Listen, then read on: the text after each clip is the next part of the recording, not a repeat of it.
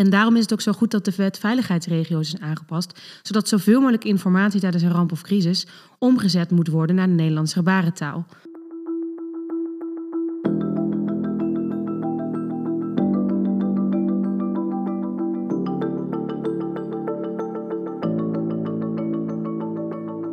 De melding komt binnen. Je trekt je jas aan en stapt de auto in. Maar hoe zat het nou ook alweer met grip? Wanneer is iets een ramp en wanneer een crisis? Wie is er bevoegd om de medicijnen te regelen? En waar kun je mensen het beste opvangen? Welkom bij de podcast Grip op bevolkingszorg, waar we door het bespreken van actuele casussen jou als luisteraar meenemen in de wereld van rampenbestrijding en crisisbeheersing. We delen kennis en ervaring met ervaringsdeskundigen, nemen je mee in de bevoegdheden en we bespreken de verschillen tussen praktijk en theorie, zodat jij ten tijde van een ramp of crisis de handvatten hebt en hierop terug kunt vallen. Samen leren we van elke casus, zodat we nog beter voorbereid zijn op de eerstvolgende ramp of crisis. Mijn naam is Walter Jansen. En mijn naam is Suzette Hendricks. En vandaag gaan we het hebben over hoe organiseer je een persconferentie tijdens een ramp of crisis.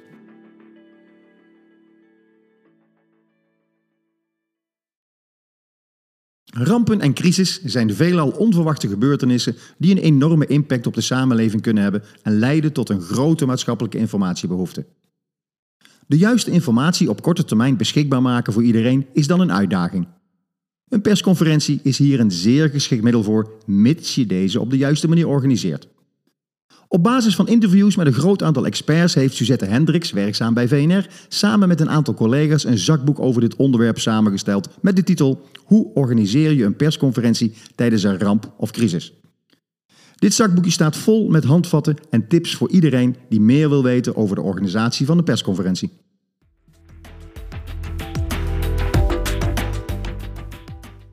Welkom Suzette bij deze podcast. Jou niet onbekend, want je bent er een aantal hebben we al samen gemaakt en vandaag ben jij het onderwerp. Wil jij jezelf even voorstellen? Ja, dat wil ik zeker. Uh, nou, mijn naam is Suzette Hendricks en ik ben uh, ja, inderdaad werkzaam bij VNR als uh, trainer, adviseur bevolkingszorg en crisiscommunicatie. Oké, en van waar dit zakboekje dan? Dit zakboek is eigenlijk ontstaan omdat we een jaar geleden met een aantal trainers zijn ingezet bij het Hoogwater in Limburg. We hebben daar met elkaar uh, ja, uh, de veiligheidsregio Limburg-Noord mogen ondersteunen op communicatiegebied. En dan moesten we ook een aantal persconferenties organiseren. Ja, dat uh, hadden we nog niet eerder gedaan. En ja, met een aantal collega's hebben we ook ervaren hoeveel daar nou eigenlijk bij komt kijken. Inderdaad, dat hebben we samen gedaan. Wat viel toen op? Dat voorbereiding wel heel belangrijk is. In de zin van als je op dat moment nog veel moet regelen, kost dat heel veel tijd. En je bent op dat moment ook al heel erg druk met crisiscommunicatie, überhaupt naar de buitenwereld en ook intern. Denk bijvoorbeeld bij het uh, hoogwater. Daar moesten mensen bijvoorbeeld geëvacueerd worden. Dus je bent ook heel druk bezig met die boodschap verspreiden. En daarnaast moet je dan ook nog eens alle voorbereidingen voor een persconferentie gaan treffen. Mooi haakje. Wat is nou een persconferentie? Nou, er zijn eigenlijk verschillende definities over. En het mooie is ook, vroeger was een persconferentie echt puur uh, samen met de pers. Nou, tegenwoordig zien we dat we vaak ook al live mee mogen kijken. En uit onze interviews met, met verschillende experts is eigenlijk gebleken dat de meeste mensen zien een persconferentie als een bijeenkomst waarin iemand duidelijk zichtbaar de leiding neemt uh, om dus ja, te gaan communiceren over een bepaalde gebeurtenis.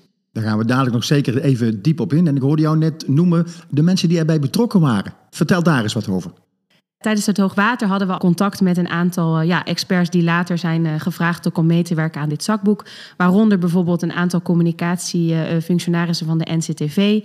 Uh, zij organiseerden natuurlijk op dat moment ook nog de coronapersconferenties. Dus zij gaven heel veel tips over hoe je dat het beste aan kon vliegen. Zij kwamen ook met de tip van nou, misschien kunnen we de gebarentolken in gaan zetten. Dus toen hebben we ook contact gekregen met het gebarencentrum. Daarnaast hebben we nog wat contacten gehad met ook de, de journalisten die aanwezig waren op de persconferentie en hen ook gevraagd van, goh, we hebben nog niet eerder uh, een persconferentie moeten organiseren. Willen jullie eens meedenken? Hoe zorgen we er nou voor dat dat er goed uitziet op camera? En uiteindelijk zijn dat ook een aantal mensen die, uh, die hebben meegewerkt. Je had het net over de gebarentolken. Mag ik ze zo noemen? De officiële naam is Tolk Nederlandse Gebarentaal. De Tolken Nederlandse Gebarentaal. Wat maakt er nou zo belangrijk dat zij er waren? Nou ja, A natuurlijk dat het belangrijk is voor de doelgroep, maar B, het staat ook in de wet. Ja, helemaal juist. Tegenwoordig is inderdaad hè, de wet veiligheidsregio's. Het is een, bijna een verplichting om elke persconferentie ook in het Nederlandse gebarentaal te tolken. Wie zijn er allemaal betrokken bij het zakboek? Nou, een hele hoop mensen. Uh, en, en dat is eigenlijk spontaan ontstaan. Zoals ik net al noemde, hadden we natuurlijk al hulp gehad bij de persconferenties in Limburg van de communicatiefunctionaris van de NCTV. Nou, verslaggevers van de NOS, RTL, SBS en het Nederlands Gebarencentrum. Maar we vonden het naast die experts ook heel belangrijk om de wetenschap erbij te betrekken. Dus we hebben ook een aantal hoogleraren geïnterviewd. Daarnaast hebben we nog de ervaringsdeskundigen zoals Hans Faber en Ingrid van Assau bevraagd. En bekende protocolexperts zoals Hendrik de Groot en Hans Blijveld. Uh, en natuurlijk niet te vergeten ook een audiovisueel bedrijf, uh, ofwel uh, ja, AV-bedrijf, over de benodigdheden voor de techniek. Dat is een mooi haakje naar het zakboek, want dat is verdeeld in hoofdstukken. Je had het net over thema's. Elk thema in een hoofdstuk? Ja, daar komt het ongeveer wel op neer. We gaan eigenlijk van de definitie van een persconferentie naar het stukje geschiedenis. Dus waar komt een persconferentie nou eigenlijk vandaan? En wat is, uh, wat is het verloop daarvan geweest, de ontwikkeling daarvan geweest? Naar een stukje protocol. Mm -hmm. uh, uh, naast het protocol gaan we natuurlijk kijken welke rollen zijn er belangrijk bij een persconferentie. We kijken ook naar het perspectief van de pers. Uh, uh, naast de, de, rol van de spreker, wat zijn de verwachtingen, een stukje taalgebruik. Maar ook heel belangrijk, voor wie geef je nou een persconferentie en het publiek? En wat ook vaak onderschat wordt, is het stukje techniek. Hoe zorg je nou dat uh, alles mooi in beeld komt, alles goed uitgelicht is? Nou, dat ja, is heel mooi. Ik wil het graag even met je hebben dan, want je noemde net de rollen. Kan je even iets noemen dan over de rollen bij zo'n persconferentie? Ja, nou wat, ja, wat, we, wat we zelf ervaren hebben toen ook bij het hoogwater, is dat het ja, echt wel meer uh, inhoudt om een persconferentie te organiseren dan, nou in ieder geval ik van tevoren had bedacht. Um, je bent natuurlijk al bezig met zo'n crisiscommunicatieteam, met gewoon ja, de crisiscommunicatie op te pakken bij zo'n ramp of crisis. Maar daarnaast moet er ook nog in één keer een persconferentie georganiseerd worden. De pers moet uitgenodigd worden, sprekers moeten aangewezen, voorbereid worden. Nou ja, er moet bedacht worden waar komt die persconferentie. Nou, en nog veel meer thema's. En toen hebben we op een gegeven moment ook bedacht van ja, daar, daar moet iemand voor zijn die moet dat vrij gaan maken. Een soort hoofdpersconferentie. Dus dat is al een rol. Nou, dan wil je ook nog een ceremoniemeester die eigenlijk tijdens de persconferentie alles in goede banen leidt. Uh, dan heb je ook nog het, een aantal teamleden nodig die daarover meedenken en ook uh, ja, het mee opbouwen, opzetten. Uh, ja, nou, de, tolken die we net al noemden, nou, de pers zelf. Dus er zijn eigenlijk best wel veel verschillende functies uh, die een rol hebben tijdens zo'n persconferentie. Ja, we zien steeds meer persconferenties natuurlijk. niet alleen voor de pers zijn, maar dat ze ook live worden uitgezonden. Hoe bepaal je nou voor zo'n persconferentie hoe dat gaat en als dat live moet? Ja, dat is een van de afwegingen die je moet maken. Een, een andere belangrijke soortgelijke afweging is: ga je een persconferentie staand of zittend houden? Dus gaan de sprekers staan of zitten? Uh, en dat hangt ook heel erg af van de aard van het incident. Is er bij een ramp of crisis, uh, uh, zijn daar dodelijke slachtoffers te betreuren? En dan komen daar ook weer een aantal aspecten bij waar je aan moet denken. Hoe, hoe ga je met en niet over de getroffenen communiceren? Hoe, hoe kun je hen erbij betrekken? En naast de aard van het incident is het ook heel belangrijk. Wat is überhaupt de behoefte van de buitenwereld? Willen mensen een persconferentie? Wat willen ze horen tijdens die persconferentie? Dat is natuurlijk sowieso heel belangrijk bij crisiscommunicatie. En dat kun je dan bijvoorbeeld doen door een, een middel van een doelgroepenanalyse en van een omgevingsanalyse. En dan ga je dus eerst kijken van nou, wie zijn nou mijn doelgroepen? Voor wie geven we nou deze persconferentie? Wie zijn nou getroffen? Wie zijn betrokken en wie voelen zich betrokken? En uh, daarnaast ga je natuurlijk kijken, nou, waar hebben dan die doelgroepen behoefte aan? Willen ze vooral heel veel informatie? Of willen ze vooral uh, horen dat iemand met hun meeleeft of meedenkt? Of willen ze juist een handelingsperspectief, iets wat ze wel of niet moeten doen? Dat is wel in de voorbereiding allemaal. Het doelgroepanalyse maak je vooraf aan de persconferentie. Jazeker, dus dat moet je ook nog doen voor, ja, terwijl je dus bezig bent met alles klaarzetten voor de persconferentie. En als je doelgroepanalyse gemaakt hebt, je weet een beetje wat je gaat noemen, of je weet een beetje heel veel wat je gaat noemen. Wat is dan de rol van de spreker daarin? Wat verwachten we van hem? Nou, de rol van de spreker is, is nou ja, misschien wel een van de lastigste. Want zo'n spreker die gaat daar staan. Dat kan een, ja, toch wel een belangrijk moment voor iemand zo zijn. Vaak de informatie die gedeeld wordt tijdens een persconferentie is gevoelig. Uh, de impact is groot op de samenleving. Dus de boodschap die zo'n spreker moet brengen, dat, ja, dat, dat, dat kan best wel uh, een heftige boodschap zijn. En het is heel belangrijk dat zo'n spreker dan kort en bondig is, toegankelijk en begrijpelijk en verbindend en empathisch. En dat zo iemand dus ook heel erg thuis is in het onderwerp. Want er is niet zo moeilijk als moeilijke informatie uitleggen op een eenvoudige manier. Ik weet me nog uit uh, Limburg-Noord dat het even een discussiepuntje was. Jasje aan, jasje uit. Ja, klopt. Want uh, uh, het belangrijkste tijdens zo'n persconferentie is natuurlijk de boodschap. En je wil niet dat er ja, iets in beeld is wat van die boodschap afleidt. Dus kleding die afleidt, uh, de, een, een, plant die op de achtergrond staat die afleidt. Dus daar moet je ook nog eens over nadenken. Wat zet je wel in beeld en wat niet? En wie zet je in beeld en ook met welke kleding? Als er als het een ramp of crisis is waarbij ja, slachtoffers uh, uh, te betreuren zijn, ja, dan heb je toch een andere outfit aan als het goed is dan wanneer het bijvoorbeeld een persconferentie is met een heel vrolijk thema. Ja, hier is die rol van die adviseur dan weer heel belangrijk. Wat doet hij?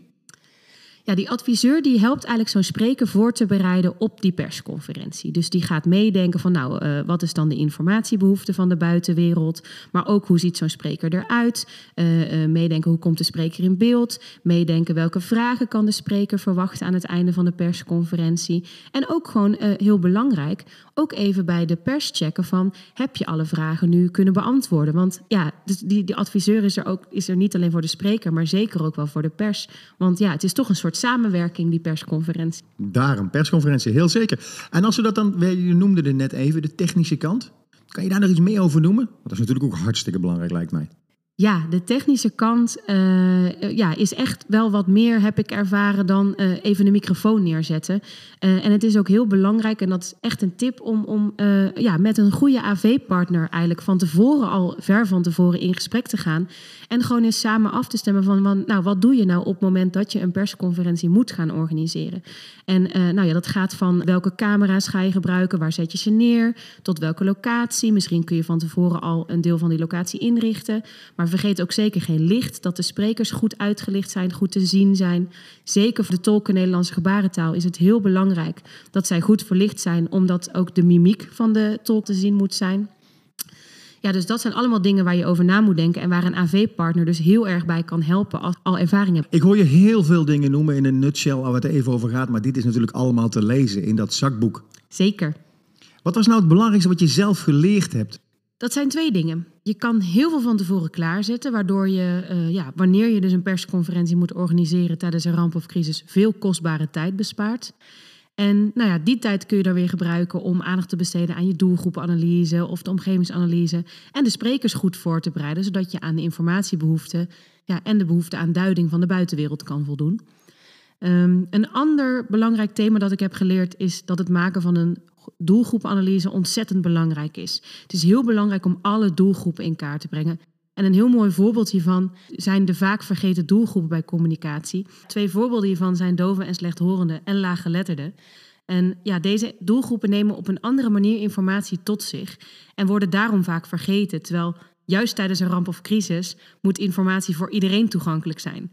Het is voor deze twee doelgroepen net zo relevant om te horen of zij moeten evacueren bij hoogwater of explosiegevaar als voor de overige doelgroepen. Je lost dit ook niet op uh, voor deze doelgroepen om bijvoorbeeld een transcript van de persconferentie met hen te delen. En daarom is het ook zo goed dat de wet veiligheidsregio's is aangepast, zodat zoveel mogelijk informatie tijdens een ramp of crisis omgezet moet worden naar de Nederlandse gebarentaal.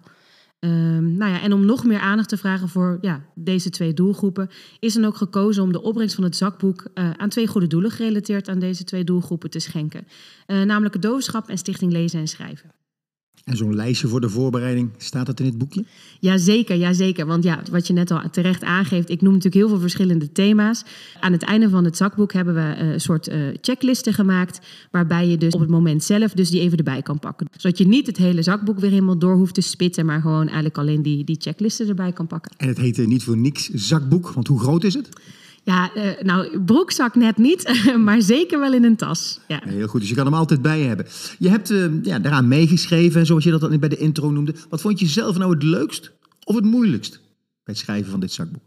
Het leukst was denk ik met eigenlijk alle verschillende experts in, in gesprek gaan. En ja, eigenlijk alle verschillende perspectieven ontdekken. En het moeilijkst was dan ook meteen om ja, dat te bundelen. En ook alle verschillende perspectieven ook recht aan te doen. Want je gaat niet voor niets met heel verschillende experts in gesprek om vervolgens echt een soort verkorte samenvatting te schrijven. Dus we hebben echt geprobeerd om ja, in meerdere gesprekken uh, alle verschillende perspectieven aan bod te laten komen. Zoveel mogelijk thema's erin te verwerken. We zullen waarschijnlijk nog wel iets vergeten zijn, maar we hebben echt geprobeerd zoveel mogelijk thema's aan bod te laten komen. Zodat ja, je zo goed voorbereid mogelijk bent voor een volgende persconferentie uh, na het lezen van dit zakboek.